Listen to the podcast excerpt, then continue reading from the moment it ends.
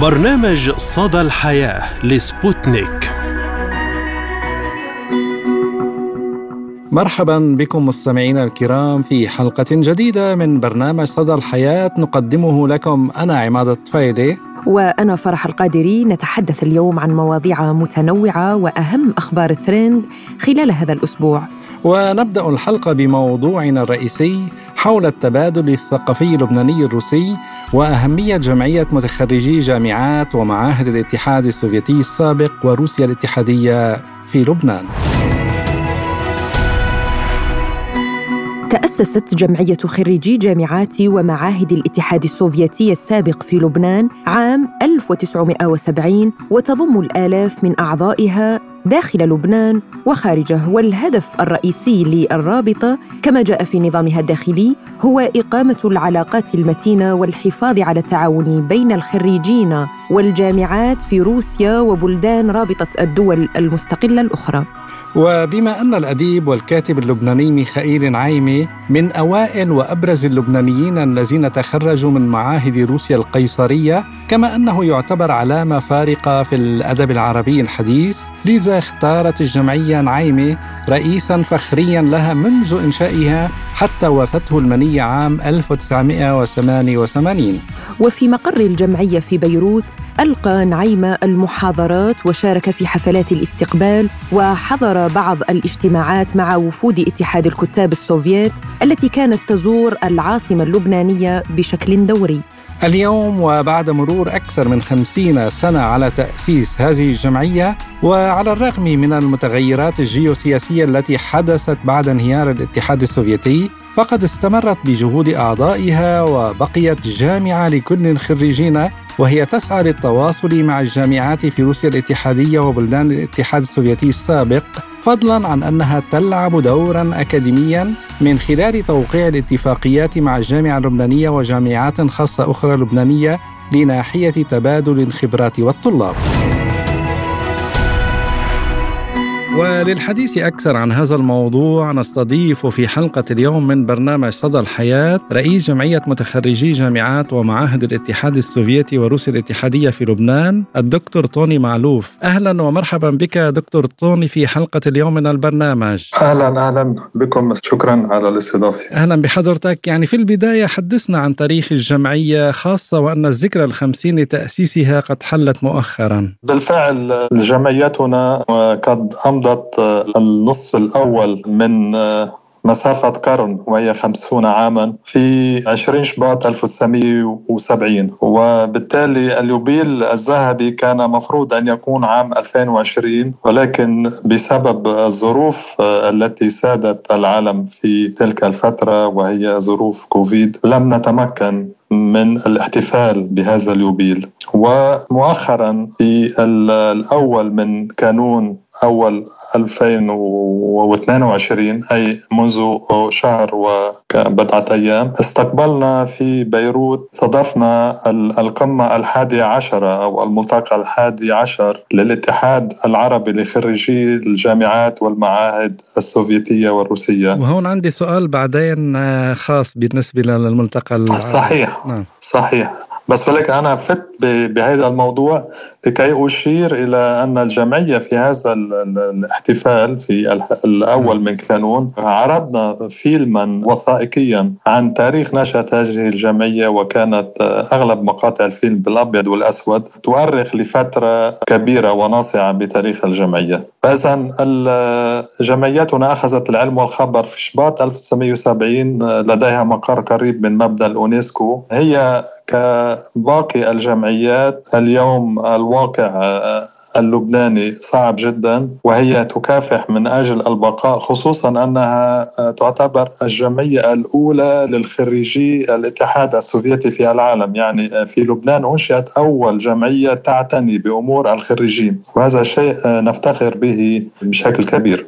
نعم دكتور. تحدثت عن الوضع المتأزم الذي يعيشه لبنان ووضع صعب على جميع المستويات. برأيك يعني ما هو الدور الذي تلعبه؟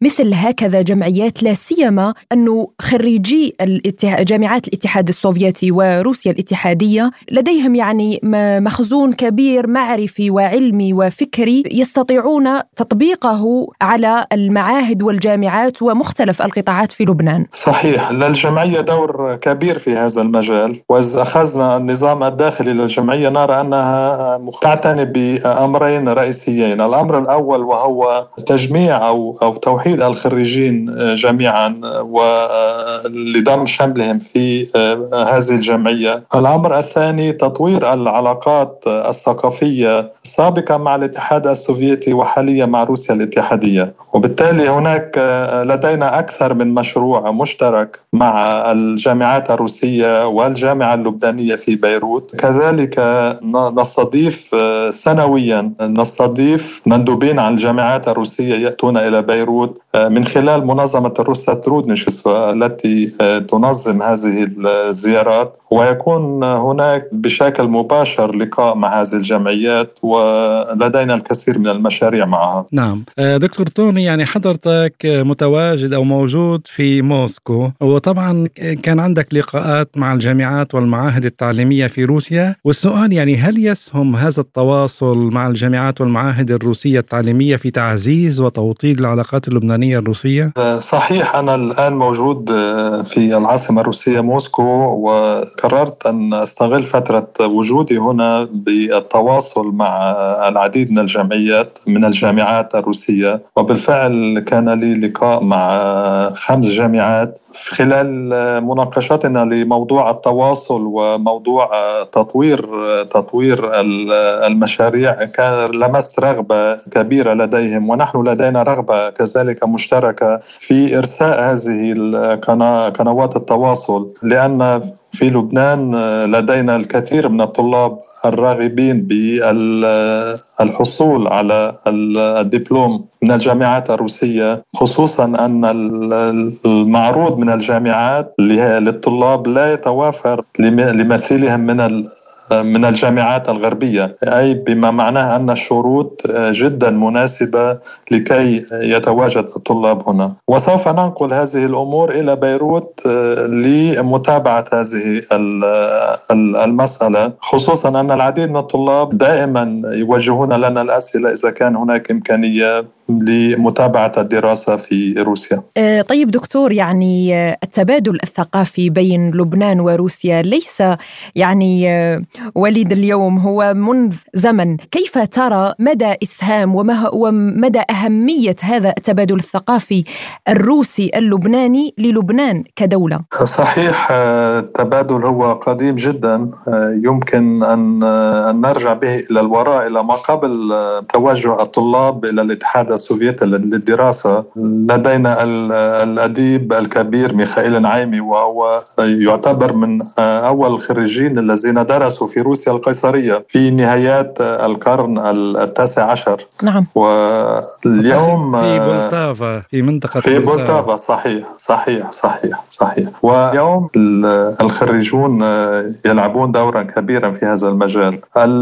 نحن نعلم أن لبنان بحاجة إلى تنمية مرافقه جميعا. والخبرات الروسية والتكنولوجيا الروسية هي التي نحن بحاجة إليها. نرى أن العديد من الخريجين عندما يعودون إلى لبنان يحاولون أن يضعوا ما كسبوه من خبرة ومعلومات في هذه المجالات في لبنان. ومن هنا نرى أن العديد منهم إن كان في مجال الذين تبوأوا مناصب في الدولة أو على صعيد على صعيد الشخصي إن كان ممكن استثمارات شركات. داخلية رجال أعمال أو يعني مطورين في البلد صحيح صحيح نحن لدينا بعض بعض الأمور بعض الأمور عندما تدخل السياسة في بعض الأمور نرى أن هذا الموضوع يتفرمل. نعم. عقدت مؤخرا فعاليات الملتقى العربي الحادي عشر لخريجي الجامعات السوفيتية والروسية في بيروت.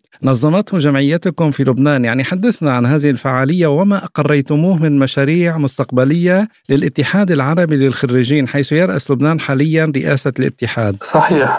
كما ذكرت منذ قليل لبنان في الأول من كانون أول الماضي استضاف الملتقى الحادي عشر لاتحاد الجمعيات الروسية والسوفيتية الاتحاد العربي وكان على امتداد أربعة أيام نوقشت فيه العديد من الأمور التي تهم الخريجين اللبنانيين والخريجين العرب وكيفية التواصل مع جامعاتهم الأم في روسيا أو على بالاتحاد السوفيتي. اليوم لدينا لدينا برنامج في الاتحاد العربي هو في طور الإعداد يعني لدينا أفكار لا أعطينا لأنفسنا كمكتب للاتحاد العربي ثلاثة أشهر لكي نبلور هذه الأفكار في برنامج لكي يعرض فيما بعد على الجامعات الروسية لكي نبدأ بتنفيذه خلال مدة هاتين السنتين. برنامج طموح ولكن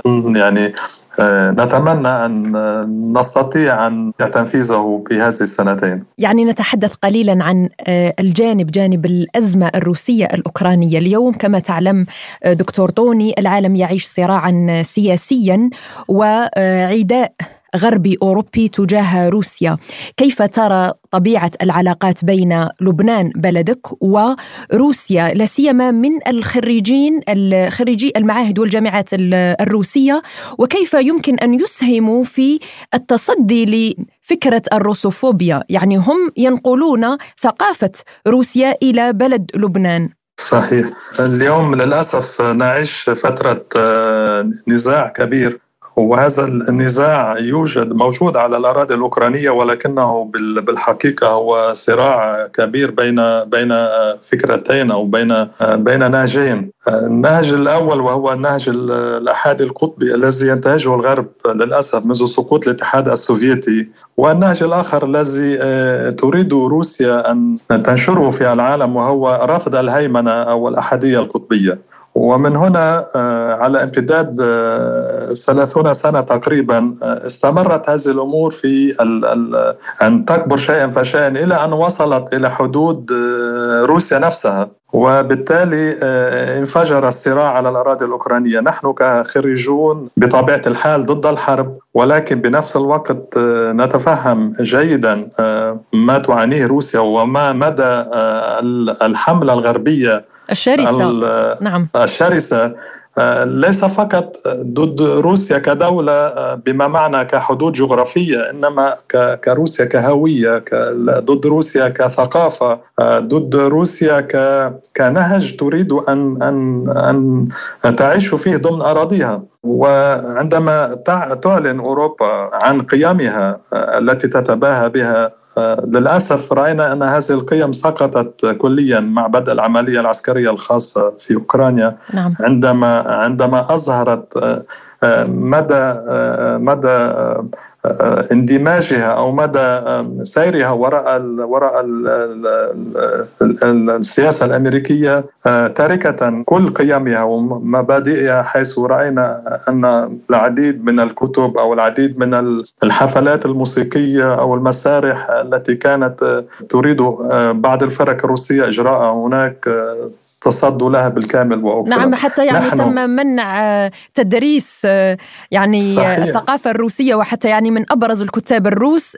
خاصة في إيطاليا تم يعني صحيح. منع صحيح. تدريس البرنامج الروسي صحيح نحن كخريجون نعي تماما هذه الأمور وعلى فكرة أريد أن ألفت النظر هنا نعم. إلى أن الروسافوبيا والحصار على روسيا هو تقريبا منذ القرن السادس عشر. تعيش روسيا هذا الحصار ولكن اليوم بسبب ال ال ال القنوات الفضائية والتواصل الاجتماعي صرنا نعرف بهذه الأمور أكثر وأكثر. نحن كخريجون في لبنان بطبيعة الحال ضد الروسافوبيا لأنه الروسافوبيا تعني أن أن كل شيء روسي مرفوض وروسيا هي العدو الأول وإلى آخره. نحن ضدها لأنه نحن درسنا في روسيا ونعرف ما هي طبيعة الشعب الروسي وندين تماما هذا المصطلح. وعلى العلم في أيار الماضي بمناسبة عيد الناصر وعلى امتداد هذه السنة كان لنا تحركات في هذا المجال ترفض الروسوفوبيا. نعم شكرا لك رئيس جمعية متخرجي جامعات ومعاهد الاتحاد السوفيتي وروسيا الاتحادية في لبنان. الدكتور طوني معلوف كنت معنا. شكرا لك على هذه المداخلة. شكرا جزيلا دكتور طوني. شكرا شكرا لكم شكرا لكم. تحياتي. نواصل مستمعينا الكرام معكم حلقة اليوم بأهم الأخبار التي كانت تريندينج لهذا الأسبوع وما هو أول خبر لديك يا عماد؟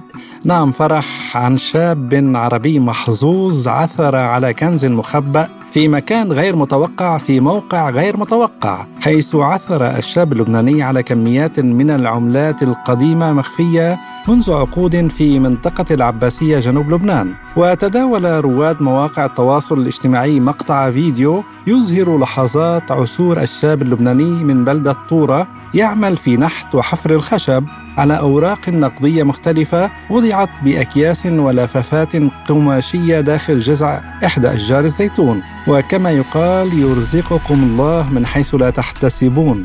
يعني حتى أنه عثر على هذه الكمية من العملات القديمة في شجرة الزيتون وشجرة الزيتون هي مباركة يعني نعم. محظوظ فعلا نعم نعم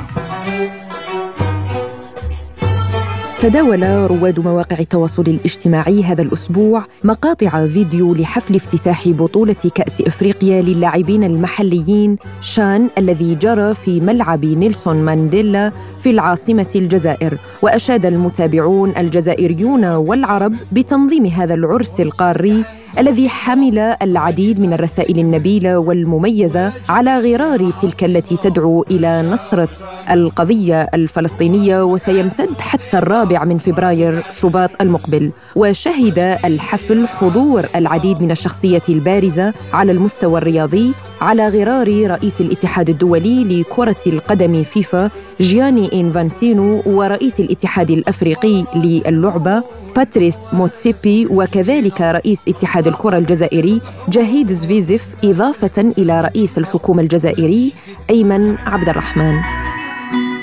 وإلى خبر عن المغني الروسي فيليب كيركوروف الذي خاطب صديقه القديم زيلينسكي تعليقا على موضوع إدراجه في قائمة العقوبات الأوكرانية الموجهة ضد فنانين وشخصيات عامة روسية. وفي مدونة له على مواقع التواصل الاجتماعي وجه كيركوروف حديثه إلى الرئيس الأوكراني فلاديمير زيلينسكي وقال صديقي القديم وشريكي في التصوير المسرحي اندمج في الدور كثيرا. السيناريو الذي أرسلوه له عبر المحيط سيقوده وسيحول البلد الذي عهد إليه إلى رماد.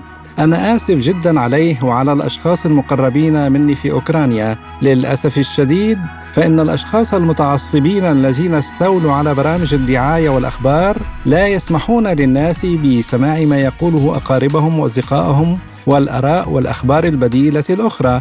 أنا محظوظ لأنه تم حظر أغنياتي في أوكرانيا فقط حاليا. ووصف كيركوروف إدراج اسمه في قائمة العقوبات المذكورة بأنه مظهر من مظاهر ثقافة الإلغاء التي تشوه الواقع والتي يثني عليها الغرب. يعني زيلينسكي لن يكون أفضل من رعاته وأسياده في الغرب الذين أيضا يحاربون ويفرضون العقوبات الاقتصادية على روسيا ويحاربونها حتى يعني على القضايا الثقافية. نعم وكذلك آه، فعلا انغمس زيلينسكي في الدور كثيرا يعني صدق دوره الذي قام به في فيلمه الشهير آه، وهذه العقوبات التي تم فرضها على روسيا ستكون مثل يعني كما يقال ينقلب السحر على الساحر وروسيا إلى اليوم لا تزال واقفة وصامدة وزيلينسكي يعتبر فقط أداة لتنفيذ مهام غربية في الأراضي الأوكرانية. وعندما تنتهي مهمته سيتم التخلص, التخلص منه. منه. نعم كما تم التخلص من رؤساء سابقين. وإلى مصر حيث أعلن المجلس القومي للمرأة تقدمه بشكوى رسمية إلى المجلس الأعلى لتنظيم الإعلام ضد برنامج كلام الناس الذي تقدمه المذيعة ياسمين عز عبر قناة تلفزيونية في مصر بعد تلقيه العديد من الشكاوى من محتواه. قلت بدل المرة عشرة أني ضد مبدأ التعميم وكلامي موجه للستات القادرة المفترية مش كل الستات. كلامي دايما موجه للفئة القلة اللي عندها كده إيه ند بند بس واضح إن اللي آه، مسك الفرخة ده كان جعان ولا حاجة فركز مع الفرخة وساب الكلام. ومسكته في الجزمة والسجادة والمعرفش إيه. أمال لو قلت لك اوعى أسمعك تقولي له وهو نازل خد كيس الزبالة معاك وانت نازل. هتعملي فيا إيه؟ يعني انت مسكتي أنا خايفة أقول الحقيقة خايفة أقول لك إن ما ينفعش تقولي كده لأن أبوكي لو نازل من البيت عمرك ما تقولي له خد كيس الزبالة معاك وأنت نازل. النهارده هنتكلم عن موضوع عامل مشاكل في بيوت كتير وفي ستات كتير اتطلقوا بسببه. الست تبقى صاحية من النوم مثلا وتلاقي حماتها فوق راسها على السرير. إيه يا طنط؟ صباح الخير. أنت دخلتي هنا إزاي؟ فحماتها تبص لها باستغراب كده وتقول لها يعني إيه دخلت إزاي؟ ما أنا معايا المفتاح. مش ده بيت ابني ولا إيه؟ أنا عايزة أسأل سؤال. إيه المشكلة إن يكون معاها مفتاح شقتك؟ ده أمان ليكي وبعدين تعالي أقول لك على حاجة. حاجة ممكن كده تخليكي تعيدي النظر. هي اديتك ابنها. انت اديها المفتاح. انت كسبانة. ليه بتنادي على جوزك بدون ألقاب؟ يعني فين درس تفخيم الزوج اللي درسناه كلنا زمان؟ فين؟ ليه نسينا الدرس ده؟ ليه نسينا الموضوع ده؟ نسيتيه؟ أفكرك بيه. ليه بتنادي على جوزك كده يا محمد حاف؟ مثلا قولي لجوزك يا أستاذ محمد. يا أستاذ محمد تحب تشرب إيه؟ اسمعي مني تكسبي. لو جوزك اسمه محمد قولي له باللقب ده. يا أستاذ محمد مفيش حاجة اسمها محمد لغوها خلاص. ما تاكليش آخر حرف من اسم الراجل بعد إذنك. شوفي اللي فات ده كوم واللي أنا هقوله ده دلوقتي كوم تاني خالص. طبعا أنا السنة دي اديتك هدية جوجل نفسه مش هيديها لك. مش موجودة على جوجل مش موجودة غير في الكتب اللي إحنا اتعلمنا منها. مش موجودة غير في البرنامج ده. الصوت الشتوي. صوتك الشتوي يا هانم اللي نسيتيه بعد ما اتجوزتي. نرجع بقى الصوت الشتوي. والعيون الشتوية. عايزاكي تستخدميهم 24 ساعة مع الراجل. اقفلي وحولي للصيفي مع الولاد بس الراجل ينقص الشتوي العيون الشتوية دي المصاحبة للصوت الشتوي وأكد المجلس القومي أن نساء مصر يعبرن عن رفضهن للمحتوى المسيء بالبرنامج ويطالبن بوقفه عبر منصات التواصل الاجتماعي معربا وجميع أعضائه ولجانه الدائمة عن رفضه وعميق استيائه من المحتوى الذي يقدم في البرنامج والذي يمثل إهانة وتحقيرا وتقليلا من شأن المرأة المصرية ويضر بها.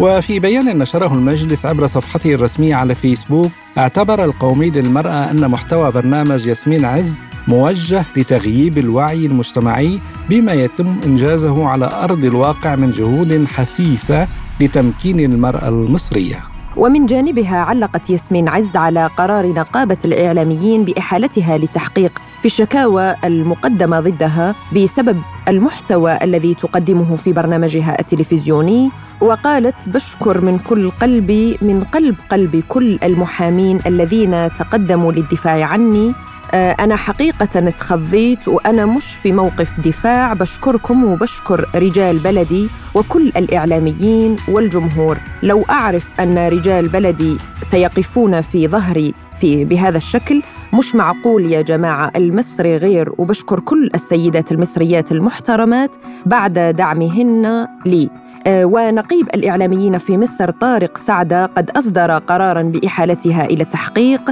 فيما هو منسوب إليها من مخالفات مهنية وقانونية. يعني آه، البرنامج الذي تقدمه ياسمين عز برأي أستاذ عماد هو خلق لمنافسة برنامج آخر الذي كانت تقدمه رضوى الشربيني امرأة تقف في صف المرأة ويعني تدافع بكل ما تملك عن المرأة سواء بشكل صحيح أو خاطئ. يعني حتى رضوى الشربيني هناك نصائح آه، غير مفيدة للنساء بالعكس يقال أن الكثير من النساء تم خراب بيوتهن نتيجة نصائحها لأنه بالنهاية البيوت أسرار كل امرأة وما تعيشه يعني كل علاقة ولديها آه، ضرورياتها ولديها النصيحة الأصح.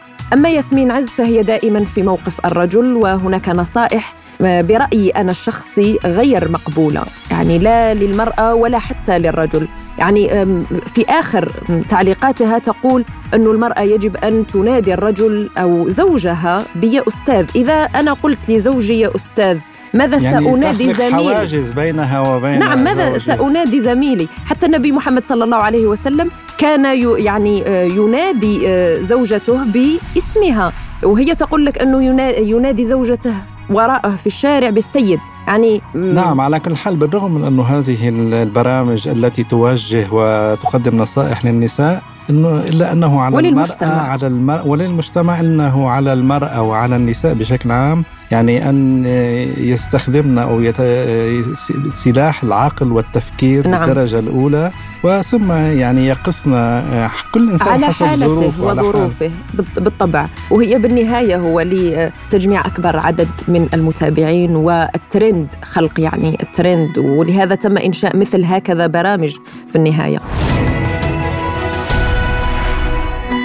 اهتزت مواقع التواصل الاجتماعي ووسائل الإعلام الجزائرية هذا الأسبوع على وقع خبر طعن تلميذ لمعلمته بخنجر في الظهر وخلف هذا الخبر غضبا واسعا في الشارع الجزائري. وتم توقيف التلميذ المشتبه فيه الذي اعتدى بالخنجر على الأستاذة ريحانة بن شية بمتوسطة ببلدية تكسلاند بمدينة باتنا شرق الجزائر وهو محل تحقيق في الوقائع. وجاء في بيان لوكيل الجمهورية على مستوى محكمة نجاوس التابعة لمدينة باتنا بأن الوقائع تعود إلى حوالي الساعة العاشرة من صباح يوم الأربعاء الماضي حيث قامت الضحية المعلمة باستقبال ولي التلميذ بعد استدعائه بسبب سلوكه فلم يستسغ الأمر وحوالي الساعة منتصف النهار أثناء فترة الراحة وبساحة المؤسسة تقدم المشتبه به من الخلف عندما كانت الأستاذة أمام مكتب الإدارة وقام بطعنها في الظهر بواسطة خنجر ذو مقبض خشبي ولذ بالفرار لجهة مجهولة ليتم بعد ذلك نقل الضحية بواسطة سيارة إسعاف إلى مستشفى نجاوس ليتم تحويلها إلى المستشفى الجامعي بباتنا. وتمكن الفريق الطبي بالمركز الاستشفائي الجامعي بنجاح من نزع الخنجر من من الأستاذة وحالتها الصحية مستقرة في الوقت الحالي واستقبل المتابعون هذا الخبر بالفرح والدعاء لها بالشفاء العاجل وأيضا أتمنى لها كل الشفاء العاجل. آه نعم يعني أستاذ عماد هذا الخبر آه حقيقة مؤسف ويعبر عن الخطر المجتمعي الذي نعيشه حاليا الجيل الجديد. فيما مضى كنا نقول قم للمعلم وفه التبجيل. كاد المعلم أن يكون رسولا. اليوم المعلم يخاف على حياته وهو ضمن الحرم التعليمي وهذا هذا يعود إلى التنشئة الاجتماعية والتربية سواء في المنزل أو في الشارع. بالمناسبة يعني المعلمة آه، وجهت رسالة للشعب الجزائري وقالت في مقطع فيديو من المستشفى أنها آه، تشكر كافة آه، الشعب الجزائري وتدعوهم إلى الوقوف معها وقالت أنا لست إلا عينة صغيرة عنكم ومنكم ولا أنتمي إلا إلى الجماعة وأوصل صوتي إلى أبعد حد وأعدكم ألا أخيب ظنكم. تداول رواد مواقع التواصل الاجتماعي بشكل كبير خبر وفاة ليزا ماري بريسلي الطفلة الوحيدة لملك الروك إلفيس بريسلي عن عمر يناهز 54 عاماً. وهي مغنية وكاتبة الأغاني المعنية بالحفاظ على إرث والدها بعد دخولها المستشفى لحالة طبية طارئة. وأكدت والدتها وفاتها في إحدى مستشفيات لوس أنجلوس بعد ساعات قليلة من نقل المسعفين ابنتها إلى المستشفى بعد تعرضها لنوبة طبية في منزلها. وقالت الأم في بيان بقلب مثقل يجب أن أشارك الأخبار المفجعة وهي أن ابنتي الجميلة ليزا ماري تركتنا لقد كانت المرأة الأكثر شغفا وقوة وحبا التي عرفتها على الإطلاق.